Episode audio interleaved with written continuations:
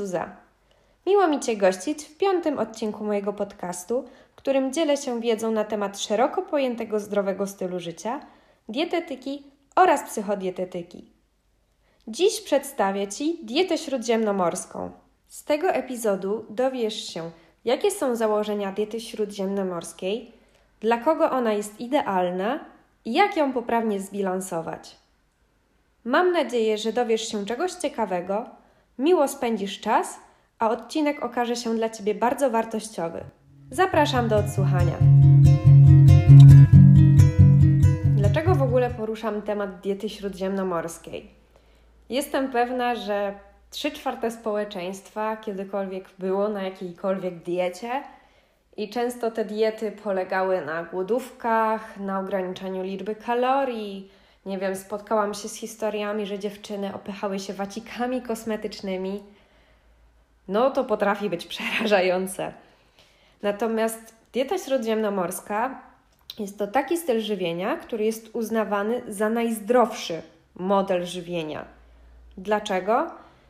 W tym momencie chciałabym przytoczyć pewne badanie, żeby nie było, że wymyślam sobie pewne argumenty na temat tej diety.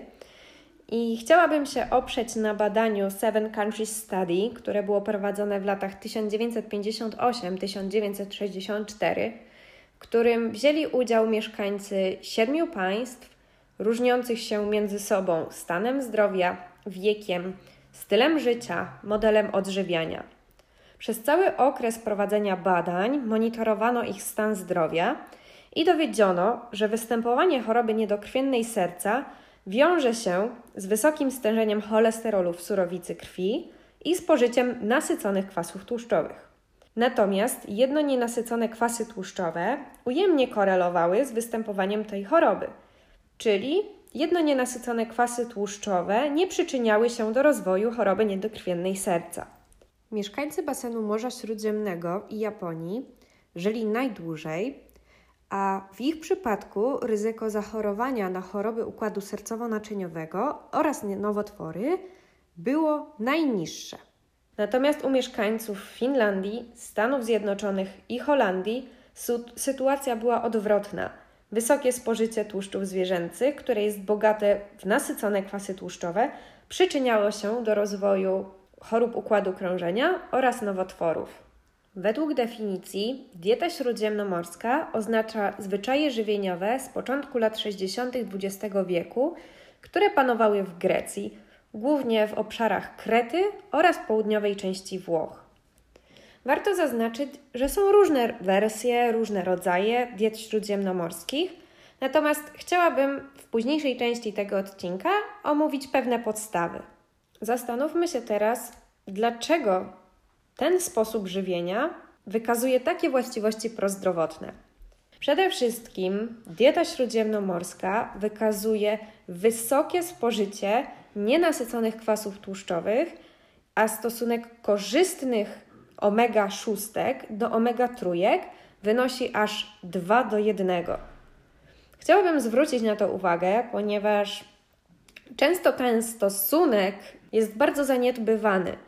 Jako społeczeństwo wiemy, że kwasy tłuszczowe omega-3 i omega-6 są bardzo korzystne dla naszego zdrowia, natomiast w naszych dietach zdecydowanie przeważają kwasy omega-6. I co z tego, że spożywamy ich całkiem sporo, jeżeli stosunek omega-3 do omega-6 jest zachwiany? Jest on bardzo istotny, ponieważ zachowanie pewnej proporcji między tymi kwasami pozwala na przekształcenie jednych kwasów w drugie. I aby mogło to zachodzić płynnie, musimy zadbać o prawidłowy stosunek tych kwasów. Ogólnie przyjmuje się i wszelkie zalecenia mówią o tym, że prawidłowy stosunek kwasów omega-3 do omega-6 wynosi 1 do 4, 1 do 5. W krajach wysoko rozwiniętych ten stosunek sięga nawet 1 do 20, czyli na jedną jednostkę kwasu tłuszczowego omega-3 przyjmujemy aż 20 jednostek kwasu tłuszczowego omega-6. Odpowiednie zbilansowanie diety pod względem tego stosunku jest bardzo korzystne i bardzo pożądane podczas ustalania jadłospisu dla pacjentów. Poza wysokim spożyciem nienasyconych kwasów tłuszczowych, dieta śródziemnomorska charakteryzuje się dużą ilością karotenoidów, fitoestrogenów, flawonoidów, antyoksydantów czy błonnika pokarmowego. Jeżeli chodzi o błonnik pokarmowy, większość z nas pewnie wie, że spożywamy go obecnie w małych ilościach, dlatego trzeba uwzględnić go podczas planowania swojego jadłospisu. Błonnik pokarmowy jest to taki składnik diety, który odpowiada przede wszystkim za prawidłową perystaltykę jelit oraz wypróżnianie się. Dodatkowo błonnik pokarmowy wiąże wodę oraz substancje toksyczne i pozwala wydalać je z naszego organizmu. Z punktu widzenia diety redukcyjnej jest to składnik bardzo korzystny, ponieważ odpowiada za uczucie sytości i utrzymywanie go przez długi czas. Błonnik pokarmowy znajdziemy przede wszystkim w warzywach, owocach czy produktach zbożowych, a zwłaszcza tych pełnoziarnistych. Dieta śródziemnomorska cechuje się tym, że spożywa się w niej bardzo mało nasyconych kwasów tłuszczowych, które znajdują się przede wszystkim w tłuszczach i produktach odzwierzęcych, małym spożyciem transkwasów tłuszczowych, czyli tych utwardzonych, które znajdują się na przykład w maśle, oraz niskim spożyciem cholesterolu czy dodatków do żywności. Jakie wnioski płyną z tych właściwości prozdrowotnych? Dla mnie, na pierwszy rzut oka, od razu rysuje się taki obraz diety bogatej w świeże warzywa, w owoce oraz duże ilości pieczywa. Nie wiem dlaczego, ale pieczywo strasznie kojarzy mi się z dietą śródziemnomorską.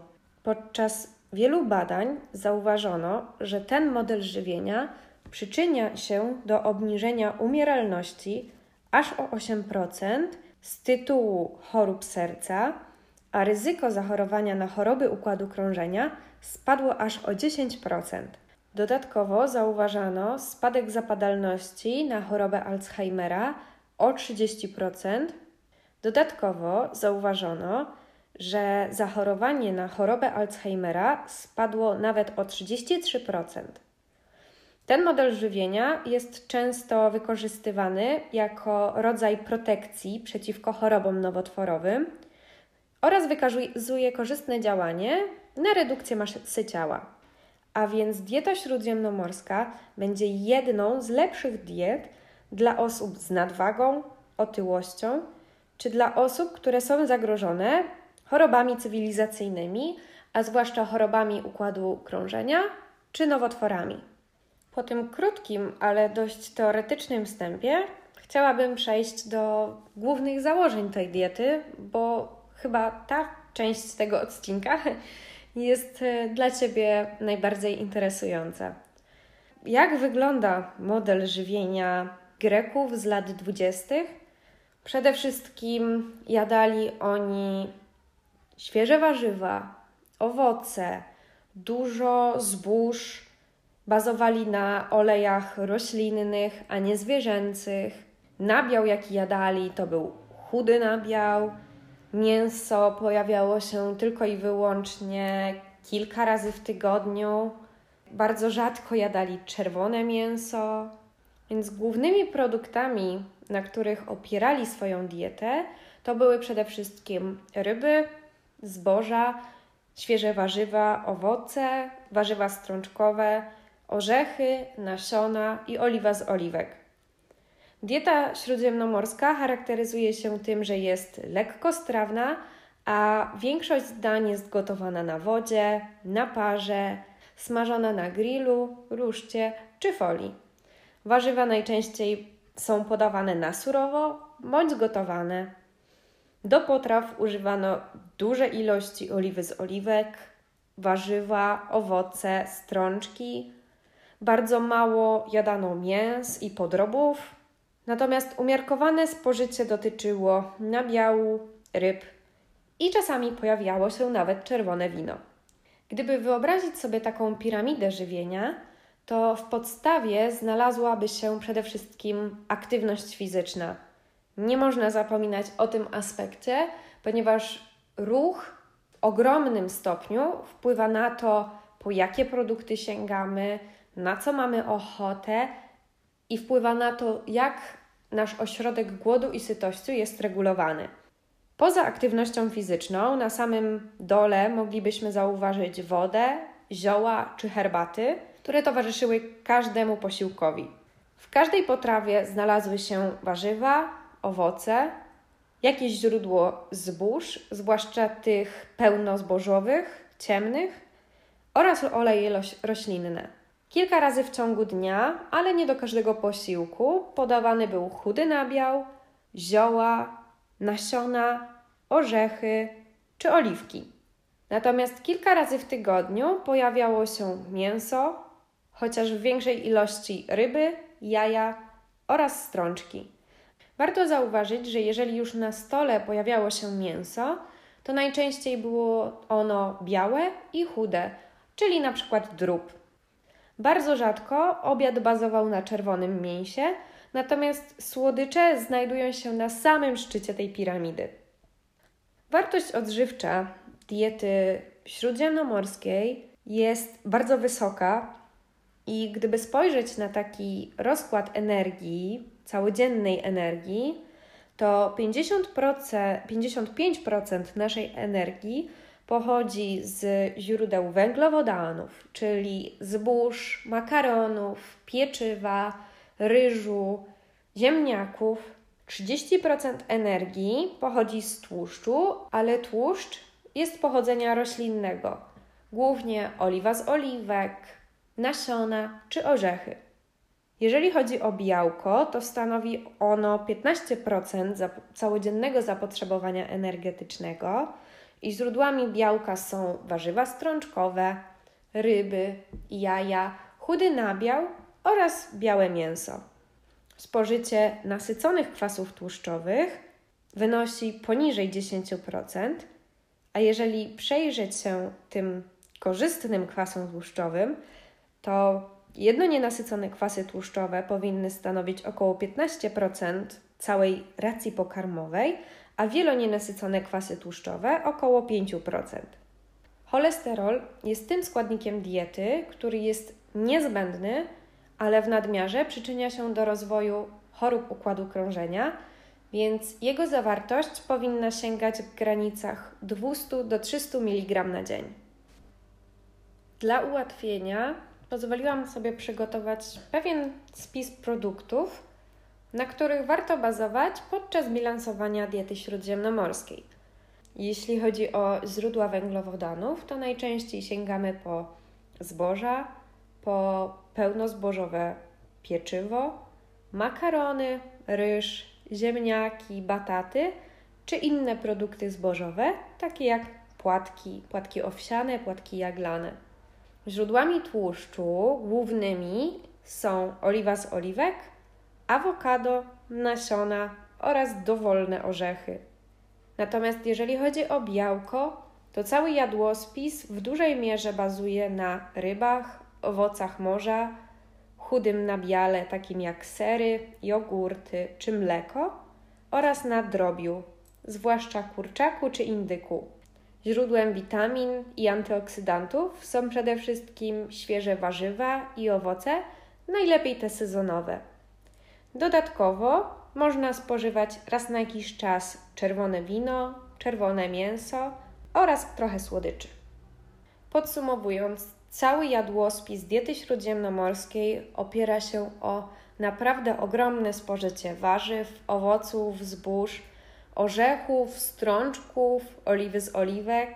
Zauważyć można trochę drobiu, ryb, czerwonego wina, ten rodzaj diety charakteryzuje się przede wszystkim wysokim spożyciem jednonienasyconych kwasów tłuszczowych, dobrym stosunkiem kwasów omega-3 do omega-6, sporym spożyciem błonnika pokarmowego, witamin oraz antyoksydantów.